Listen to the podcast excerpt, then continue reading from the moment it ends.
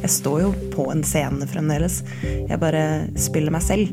Og hvis jeg går tilbake og tenker på hva jeg var dårlig til som skuespiller, så var det kanskje det å spille de store karakterene. Jeg var kanskje bare flink til å være meg selv da òg. It's a disgrace. And I think they ought to apologize to start with. dominere mediebildet. A failing Media. pile of garbage. Pause. And fake, fake, fake, fake, fake. Hei og velkommen til en ny episode av Pressepodden. Mitt navn er Jan Magnus Weiber Ørdal, og i dag så har vi besøk av Selma Joner, eh, politisk reporter, nyhetsanker og nå partilederdebattprogramleder i TV 2. Velkommen til Pressepodden, Selma. Hjertelig tusen takk. Vi skal snakke mer med deg om bl.a. debuten på mandag, oss og andre ting, men først en liten reklamepause. Du en journalist eller redaktør som vil starte høsten med faglig påfyll? Stup er Norsk Journalistlag og mediebedriftens kompetansehevingsordning. Vi tilbyr et bredt utvalg av kurs, muligheten til å få stipender til egne prosjekter og vikarstøtte. Helt gratis for de som er omfattet av ordningen. Neste frist for å søke stipend er 1. oktober. Gå inn på stupstipend.no for å sjekke ut hva andre har fått stipend til, og for å se vår kurskalender. Selma, som vi nevnte i innledningen, du fikk altså riksdebuten som programleder på partilederdebatten i vandrehallen i Stortinget på mandag kveld etter lokalvalget. En eh, ganske profilert uh, utstillingsvindu, må vi kunne si. Uh, nå er det noen dager siden. Hvordan var det å lede den debatten? Oi, oi, um, ærerikt på mange måter. Slitsomt på veldig mange andre måter. Um, merkelig også. Det er en veldig merkelig rolle, for du sitter pal og klar på Stortinget i mange timer og prøver å liksom suge opp litt av den spenningen som pågår på alle mulige vaker rundt om, hvor du ikke er. Og venter og skal gire deg opp og holde det gående før det smeller halv ett, som er pussig seint. Hvor alle har hatt en lang dag, politikerne er kjempeslitne.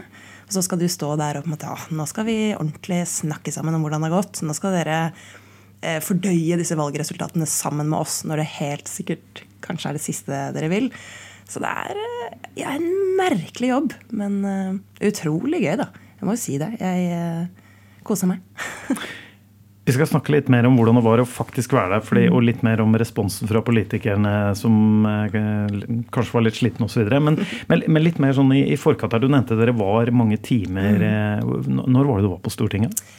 Altså, Sigrid eh, Solund eh, og meg selv og vår vaktsjef Anja Storbråten var der klokka tre allerede. Så På ettermiddagen? Et, eh, ja da, ja da. Et grupperom på Stortinget. Jeg visste ikke at eh, det fantes, men det gjør det. Veldig fornemt i gangen der hvor stortingspresidenten holder til. Eh, Så satt vi der og prøvde å følge med. Selvfølgelig, eh, En stor disputt er jo skal vi se på NRK, skal vi se på TV 2? Hva gjør vi? Hvor henter vi Hva gjorde dere da? Nå er jeg spent. vi eh, en veldig, hadde en veldig solidarisk løsning. Der vi delte litt sånn 50-50 og hoppa litt eh, mellom.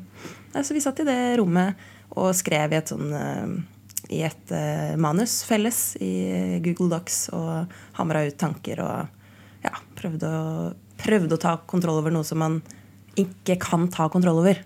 Så det ble jo tydelig når eh, det kom til stykket. Man tror Det at man har så mange timer, hjelper ingenting. For når første prognosen kommer 21, så begynner det å bli spennende. Og så er det jo løpende utvikling. Så det å ta tak i sånn, ah, Hva fokuserer vi på? Hva må vi ha med av de store sakene denne sommeren? Hva må vi ha med av de spesifikke resultatene? Er det noen byer, Ap-bastioner som faller? Alt det der. Så det er eh, ja, det er så spennende. Stille veldig lenge, og så når det smeller, så smeller det noe voldsomt. Og det går live eh, midt på natta eller etter midnatt er jo ikke vanlig heller, nei. Så jeg kan tenke meg litt annerledes. Du nevnte Sigrid Solund. Eh, ikke ukjent eh, NRK-programleder, profil. Eh, det var ikke hennes de, for, debut, for å si det sånn. Hun har jo vært ute mange partilederdebattnetter tidligere. Hvordan eh, var det å jobbe med henne, da? Samarbeide med henne? Altså, Gi deg et ordentlig godt eh, politikersvar og først si hvor ærerikt det var å jobbe med Sigrid Solund. Fordi fytti rakkeren, det var det, altså. Jeg syns hun er helt, eh, helt super og har så spennende hode. Og får lov til å lære litt av hvordan hun jobber, har jo vært kjempeviktig for meg. Og jeg vet ikke hvor vanlig det er at eh, programlederne for akkurat den eh, debatten samarbeider så mye. Men eh, vi har gjort det. Vi har vært i hyppig kontakt. Vi har eh, hatt en messenger-tråd med vaktsjefen hvor vi sender hverandre saker, tanker. Møttes på kafé, blitt litt kjent. Det er jo ikke bare bare å stå med et forholdsvis fremmed menneske og skulle både fordele oppgaver underveis, men også når man står der, har en slags kjemi, se på hverandre, skjønne når den ene vil ta ordet, ikke snakke i munnen på hverandre, åpne for, men også ta plass. Om Sigrid har det vært helt eh, supert. Hun er så utrolig lydhør. Og veldig flink til å både være godt forberedt, men også slippe alt hvis det er noe mer spennende som skjer i rommet. Da. Så det syns jeg har vært eh, helt eh, supert. Hva tenker du om at eh, For dette er jo en samsending. Det har jo vært i noen år. Eh, Nå har jeg ikke helt på husken hvor mange år tilbake det går det en samsending mellom NRK og TV 2, men, men det er jo noen år i hvert fall. Men, men, eh, men dere er jo til vanlige konkurrenter. Men at dere her samarbeider så tett, hva, hva tenker du om det da? Altså, det var akkurat null antydning til eh, spisse albuer mellom oss. Jeg tror vi har det til felles at det viktigste for oss var å prøve å lage en så god sending som mulig. Og når man først har en sending som går på både NRK og TV 2, så vinner man jo ikke noe på å ikke dra i samme retning, på en måte.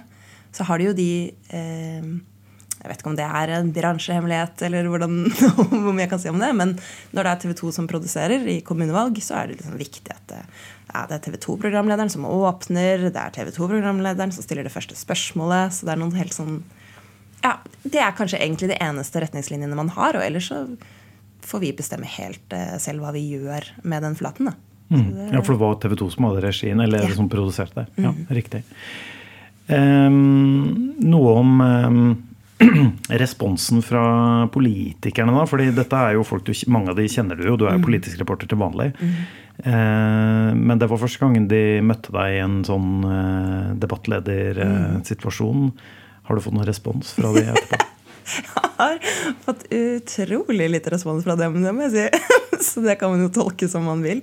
Men eh, det er jo intenst. Det er jo ganske sånn trykka stemning. Så jeg, jeg følte jo ikke på slutten at det var sånn Nå skal vi gå og drikke øl og ha det hyggelig. Det var ikke helt den stemningen. Det var litt sånn Jeg følte litt at vi hadde holdt dem som gisler, og at de egentlig ikke hadde så veldig lyst til å være der.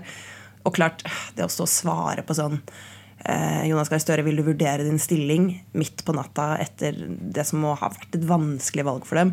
Jeg er jo et menneske oppi dette. Jeg syns ikke det er kjempegøy, men det er riktig, og jeg mener at det er viktig at de får de spørsmålene. Så nei, hvordan var det etterpå, da?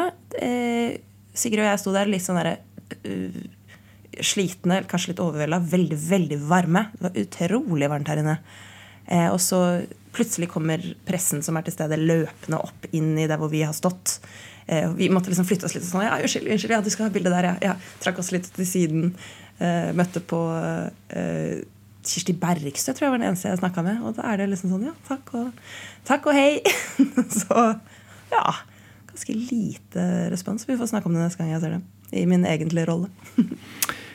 Ja, fordi den egentlige rollen, eh, politisk reporter eh, til vanlig i TV 2 Nyheter, men du har også vært litt eh, altså Vi snakka om det er debut som å lede pa- partilederdebatt, men du har jo vært live på TV, nyhetsanker på, på TV 2 Nyheter tidligere.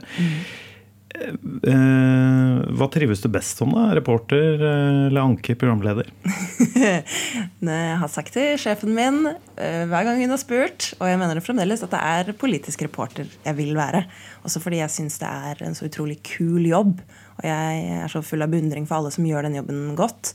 Men samtidig har jeg jo en sånn kjærlighet for TV, da. Selv om det kan hende er et døende medium, så syns jeg eh, det er noe med å være så tett på som man er, og det får man jo gjøre både som reporter selvfølgelig, og som programleder, men å være ute i felt og møte folk der hvor det skjer, er en viktig del av motivasjonen for jobben for meg. Samtidig så er det eh, Det hjelper veldig på å bygge autoritet å sitte i studio. For det er, eh, som anker, da. Veldig sånn Politikerne kommer inn i mitt hus. Jeg kjenner at jeg har veldig sånn god kontroll på dem på en helt annen måte der enn når du løper litt i flokk eh, rundt og følger ja, løpende politikk. da. Så det er liksom pros and cons. Det er deilig innimellom som anker at jeg kan snakke om og debattere helt andre ting enn det jeg gjør i det daglige. Så jeg syns miksen er eh, helt eh, super. Mm. Og det er kanskje noe du tar med deg, eh, og kan nyttiggjøre deg i de forskjellige rollene også? Absolutt. Man merker jo også at det har noe å si å bli sett. da. At hvis noen kjøper deg som programleder eller som anker, så jeg, Kanskje jeg opplever at jeg får litt mer tilgang på dem. Jeg vet ikke om det er fordi man får mer makt, eller hva det handler om. Men, men jeg merker at det hjelper i mitt daglige virke at jeg også sitter der. Så Du blir mer profilert, da. Det Ja, er ja, jo, det er ja, ja, det. det er jo så enkelt som det, vil jeg tro. Mm. Stup gir deg faglig påfyll i mediebransjen. Neste frist for å søke stipend er 1. oktober. Gå inn på stupstipend.no for å sjekke ut hva andre har fått stipend til, og for å se vår kurskalender. Litt om valgkampdekningen også. Eh, nå skal ikke du stå til ansvar for hele mediebransjens eh, valgkampdekning, her, Selma, men den har jo fått litt kritikk. Jepp. Eh, Og jeg tenkte det var interessant å høre ditt eh, ståsted, eh, liksom fra ditt ståsted. Mm. Fordi annet, for å være litt for riksfokusert, mm. valgkampdekningen vært, eh, BA-desken, eh, eller Ken Andrea Ottesen som jobba i VG før, gikk ut og mente at riksmennene glemte at det var lokalvalg. Det ble for mye på partitoppene. Hvordan, eller Hva er ditt inntrykk om dekningen totalt sett nå? Altså, mitt inntrykk er at jeg, og jeg så jo mye til BA-desken. da. Jeg minnes at han var med på vår sending. Så da kanskje tanken var at han skulle faktisk være en slags representant for de lokale mediene. For det er han jo blitt på mange måter. Det her er jo nødt, helt åpenbart. Og jeg tror absolutt alle politiske journalister og redaksjoner er det bevisst. At det er litt vrient eh, å være rikspresse i møte med lokalvalg. Som vi har løst det i TV 2, er at vi har bitt oss eh, fast i å merke i de stedene hvor det skjer interessante ting, som møter helt sånn ordinære nyhetskriterier. Vi hadde en, Min kollega Lars Joakim Skarve hadde en helt uh, utrolig god sak synes jeg, om en Sp-ordfører i Lebesby som går til valg på å sabotere hele regjeringens prosjekt om en storstilt kraftutbygging i nord. Det er jo en superinteressant sak fordi den har det lokale preget, men den peker også rett opp på regjeringa. Så den har begge dimensjoner. Så de stedene hvor de sakene fins, så mener jeg at vi har vært flinke til å eh, plukke det opp. Og så mener jeg også at de er nå en gang partiledere eh, for disse partiene som kjemper med nebb og klør i kommunene. Det er eh, Man kan snakke om det, vi kan, vi kan snakke om ideologi.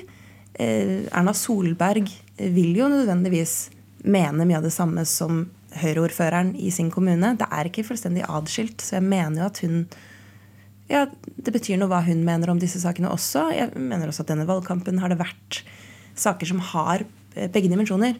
Lakseskatten er jo en helt åpenbar lokal sak også for kystkommunene i et eh, langstrakt land. Elektrifiseringen av Melkøya er kjempeviktig for nord. Så jeg tenker at eh, Jeg mener at det har vært riktig å fokusere på de tingene som, har, som peker i begge retninger. da. Og helt sånn praktisk så lurer jeg veldig på hvordan man skulle gjort det annerledes. Sett at man er interessert i å ha partilederdebatter, f.eks. Hvordan løser man det annerledes? Jeg har til gode å se noen som har gode forslag på det. Eh, Sigrid Solund og jeg snakket om det. Sånn, ja, men nei, skal vi invitere 356 ordførere, eller gange det med to, da? Og ta med en fra hver side mot kandidaten? Jeg får ikke med de småpartiene. Nei, da altså Får ikke med IMP. Får ikke med eh, de, alle bygdelistene. Hvis du begynner å tenke sånn, så blir det mye, da. Um, ja. Men, men i partilederdebatten dere, du og, og Sigrid Solund leda det, så var, så var det jo, eller merket det, det var en del spørsmål dere stilte som dere ikke fikk svar på, eller de avviste fordi nei, dette er lokalt, og dette må Så det er klart Det gir jo en utfordring også journalistisk. fordi dere, det, det er jo det, det er veldig mange spørsmål som er lokalt betinga der, som var eh, betimelig å stille for dere, men svarene kommer jo ikke. Altså, jeg opplever, hvis jeg skal være litt frekk, da Vær gjerne det det. er litt sånn vikarierende argumentasjon, det der. At når det gagner dem å svare, eh, så er det greit at det er et lokalvalg. Men når det ikke gagner dem å svare, så er det jo et lokalvalg. Og da kan de ikke svare på det. Det jeg mener at partilederne også bør mene ting. Det er jo ikke fritt vilt i kommunene at eh, Høyre kan samarbeide med akkurat hvem de vil. Jeg tror folk hadde hevet litt på øyebryna hvis Høyre hadde gått inn i en allianse med Rødt. Det må vi jo være enige om, på en måte. Så ja, det at de ikke svarer, er for så vidt ikke noe nytt eh, for oss, da. så det blir jo litt sånn Vi stiller de spørsmålene fordi vi mener at de bør mene noe om det. Og så blir man eh, avvist, da. Og det får de jo lov til. Debatten om valgkampdekningen vil vel eh, sannsynligvis fortsette. Dukke opp igjen, da. Det er bare to år til neste valg, så vi får, vi får ta det videre da. Jeg tenkte jeg skulle ta, Når du først er her, og vi har deg her, eh, så tenkte jeg Det er ikke så ofte vi er, eh, snakker om familien til gjestene i Presseboden, for det er ikke så relevant ofte. Men det er litt interessant og relevant med deg. Eh, fordi du kommer fra en familie med eh, artister og skuespillere, eh, entertainere. Faren din, Johannes, kjent skuespiller. Annet fra barne-TV for eh, flere generasjoner. Broren din, Knut, også skuespiller. Fetteren din, eh, ganske kjente Kristoffer Joner. Tremenningen din, Alexandra Joner, eh, artist. Det var ikke helt gitt at du skulle bli journalist, eller? Nei. Det er et ganske sånn belasta etternavn, ja. Kulturbelasta etternavn. Nei, men nå skal det jo sies at jeg har jo prøvd å bli skuespiller, selvfølgelig. Jeg har jo vokst opp med dette så tett på at jeg tror at jeg nok ikke vurderte det til at jeg kunne gjøre noe annet. Fordi jeg hadde jo ikke noen rollemodeller som drev med noe annet enn kultur. Så, nei, så jeg er jo utdanna skuespiller, rett og slett. Eh, musikalartist på Bardar og mm, skuespiller på tidligere Hint, som er, eh, ligger i Verdal, av alle ting. Så prøvde jeg det eh, i vel to år. Jeg har spilt mine 124 forestillinger som eh, klatremus i Hakkebakkeskogen. Vært på turné i hele Norge. Fant vel ut at eh, dette her er ikke helt uh, for meg, altså. Um, følte ikke at jeg nådde opp helt, var ikke helt komfortabel med det. Så, ja, så kom uh, Studentavisa Universitas som lyden fra klar himmel da jeg begynte på Blinde. And here we are. Journalistikken kom og tok deg. Ja, virkelig. Det var det sånn. Ja, fordi eh, Og du har jo eh, Du var inne på Du sa det jo, du har vært skuespiller og, og, og vært på scenen en hel del. Du har jo en del skuespillertitler, også stemmeskuespiller. En del ganske kjente tegnefilmer, du, f.eks. på, på, på CV-en. Eh, hva er det du har med deg av den erfaringen da, inn i journalistikken? Ah, Det har jeg tenkt eh, mye på. Litt når man får sånn mindreverdighetskomplekser for at man ikke har den den riktige utdanningen. Så jeg har tenkt på at eh, det er det helt åpenbare som handler om at man blir god til å bli kjent med kroppen sin i en stressa situasjon. Så eh, jeg vet hvordan jeg reagerer, jeg vet hvordan pusten min blir når jeg er stressa. Jeg vet hva jeg må gjøre for å roe meg ned eh, før jeg skal på. Um, I tillegg så hjelper det å kunne ha litt sånn eh, impro-skills. Hvis jeg kan si at jeg har det.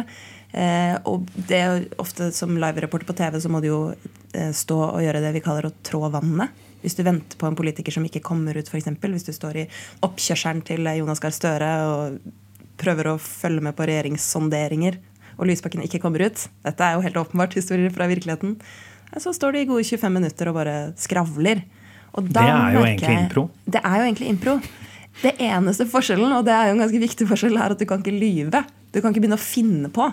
Så du må eh, lete liksom febrilsk hjernen din etter relevante ting i akkurat eh, tilfellet du står i. Men eh, så er jeg også da eh, trent til å ta til meg tekst. Så jeg husker godt. Så jeg, kan, eh, jeg opplever at jeg har lest noe som jeg ikke helt har registrert at jeg har fått med meg. Men når jeg står i den pressa situasjonen, så dukker det opp likevel. Så det tror jeg også spiller inn. altså. Dette høres jo egentlig ut som ganske åpenbare gode synergier. faktisk. Kanskje flere journalister burde ha artist-skuespillerbakgrunn, eller ta, hente inn den kompetansen på etterkant. Jeg tenker jo også sånn det umiddelbare um, er jo også, som du er inne på, med altså Det er jo en form for eh, altså fremføring når man er spesielt live. Anker, debattleder. eh, Det å riktig trykk, eh, intonasjon osv. Ja, altså Stemmeskuespill har jo vært kjempeviktig for meg.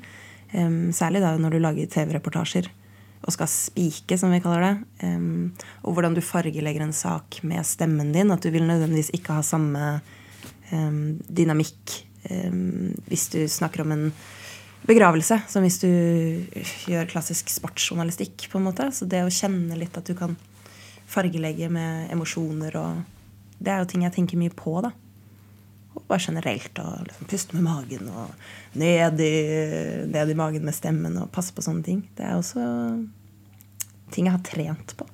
Men er skuespiller artistdrømmen Er det helt på hylla? Det er helt fullstendig på hylla. Jeg er, jeg er glad for å være ferdig med det.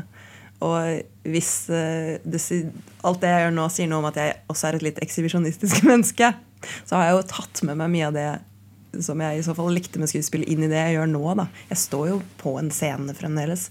Jeg bare spiller meg selv. Og hvis jeg går tilbake og tenker på hva jeg var dårlig til som skuespiller, så var det kanskje det å spille de store karakterene. Jeg var kanskje bare flink til å være meg selv da òg. Det er din beste rolle. Det er din min beste rolle. Du får rendyrke det i, i den jobben du har nå. Da. Det, det er jo veldig bra. Selma, du nevnte Universitas, eh, studentavisa i Oslo, for de som eventuelt ikke skulle vite det. Det var den første altså Journalistikken kom og tok deg inn. Du kom inn i Universitas, ble redaktør.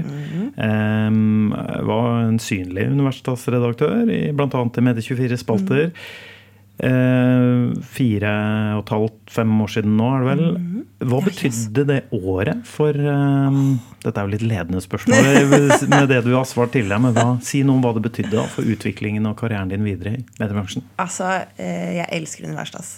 Jeg tenker at Universitas er den absolutt beste skolen for eh, journalister. Det er, eller studentmediene er det, da. Og Universitas eh, er helt eh, spesielt, for du får så voldsom mengdetrening. Og du finner litt ut av hva det er du liker, om det er liksom utenriksstoff eller kulturstoff. Jeg fant jo veldig meg selv på debattsidene. Jeg starta som debattredaktør og fikk lov til å kaste brannfakler direkte inn i studentdebatten, som var eh, ja, utrolig fin erfaring. Eh, Redaktøråret har alt å si, fordi du i hvert fall i andedammen. da, Du blir et slags navn i andedammen. Folk vet hvem du er. Folk er akkurat såpass interessert i Universitas at du syns. Um, og kudos til Medie24 for at man også får litt spalteplass. For at eh, de sakene man melder inn, blir tatt på alvor. Uh, klassisk sånn Universitas-strid mot riksmediene er jo sånn dere har tatt saken vår, men ikke kreditert oss. Og så kjemper man med nebb og klør for å få den. Det var Universitas som omtalte denne saken først. Liksom Så høyt opp i saken som mulig. Der syns jeg Medie24 har vært eh, liksom, eh, gode på å skjønne at det er viktig. Da. Um, så ja, du får kontakter. uh, Du får sommerjobb. uh, Sommervikarstillinger i mediene, som jo er det neste steget, og som virkelig er viktig. Jeg fikk jo min første, mitt første sommervikariat i NRK Økopol, som var også en helt uh, super skole. Nei, virkelig. Det er et helt eh, supert eh, arnested, om du vil, for eh, journalistspirer. Både fordi man får liksom litt selvtillit, for du får så mye trening, men også fordi det er en liksom, kanal inn i nasjonale medier. Fordi de bryr seg, og fordi de vet at det er en god skole. da. Nå ser jeg vi har passert 20 minutter, så da skal vi gå litt eh, inn for landing, som vi liker å si i Pressepodden. Eh, og da har vi noen spørsmål som vi bare skyter av gårde ganske kjapt eh, til gjestene. Er du klar? Jeg er klar. Kjappe spørsmål med kjappe svar. Får du med deg mest nyheter på TV, radio, nett eller papir? Jeg starter med radio, hopper på nett og ser selvfølgelig eh, TV 2 sendinger på kvelden. Hva slags journalistikk er det som provoserer deg mest? Oh, jeg må si at det er klikkpet, Altså jeg mener det er en dårlig, dårlig vei for eh, mediene. Eh, de beste egenskapene en journalist kan ha, i dine øyne? Eh, god til å lytte. Eh, skarp eh, og medmenneskelig. Og til slutt, hvem inspirerer deg mest i Medie-Norge, Selma Joner? Bortsett fra Sigrid Solund, åpenbart, så er det 100% mine kollegaer som jeg får sitte ved siden av og jobbe med hver dag. I TV 2, ja. Stemmer. Det var faktisk kjappe svar òg, det. Det var eksemplarisk. Veldig bra. Eh, da lar vi det være siste ord i denne pressepodden. Eh, eller la meg bare spørre, for det glemte jeg å spørre deg innledningsvis. Ga det mersmak, partilederdebatten? Eh, absolutt skrekkblanda fryd, men eh, jeg har veldig lyst til å gjøre det igjen. Da skal vi følge med på det, Selma. Ønsker deg lykke til videre med TV 2-karrieren, så følger vi med om du dukker opp på Rikseteren igjen. Neste uke er det en ny episode og ny gjest her i Pressepodden fra Medie24. Vi høres igjen da.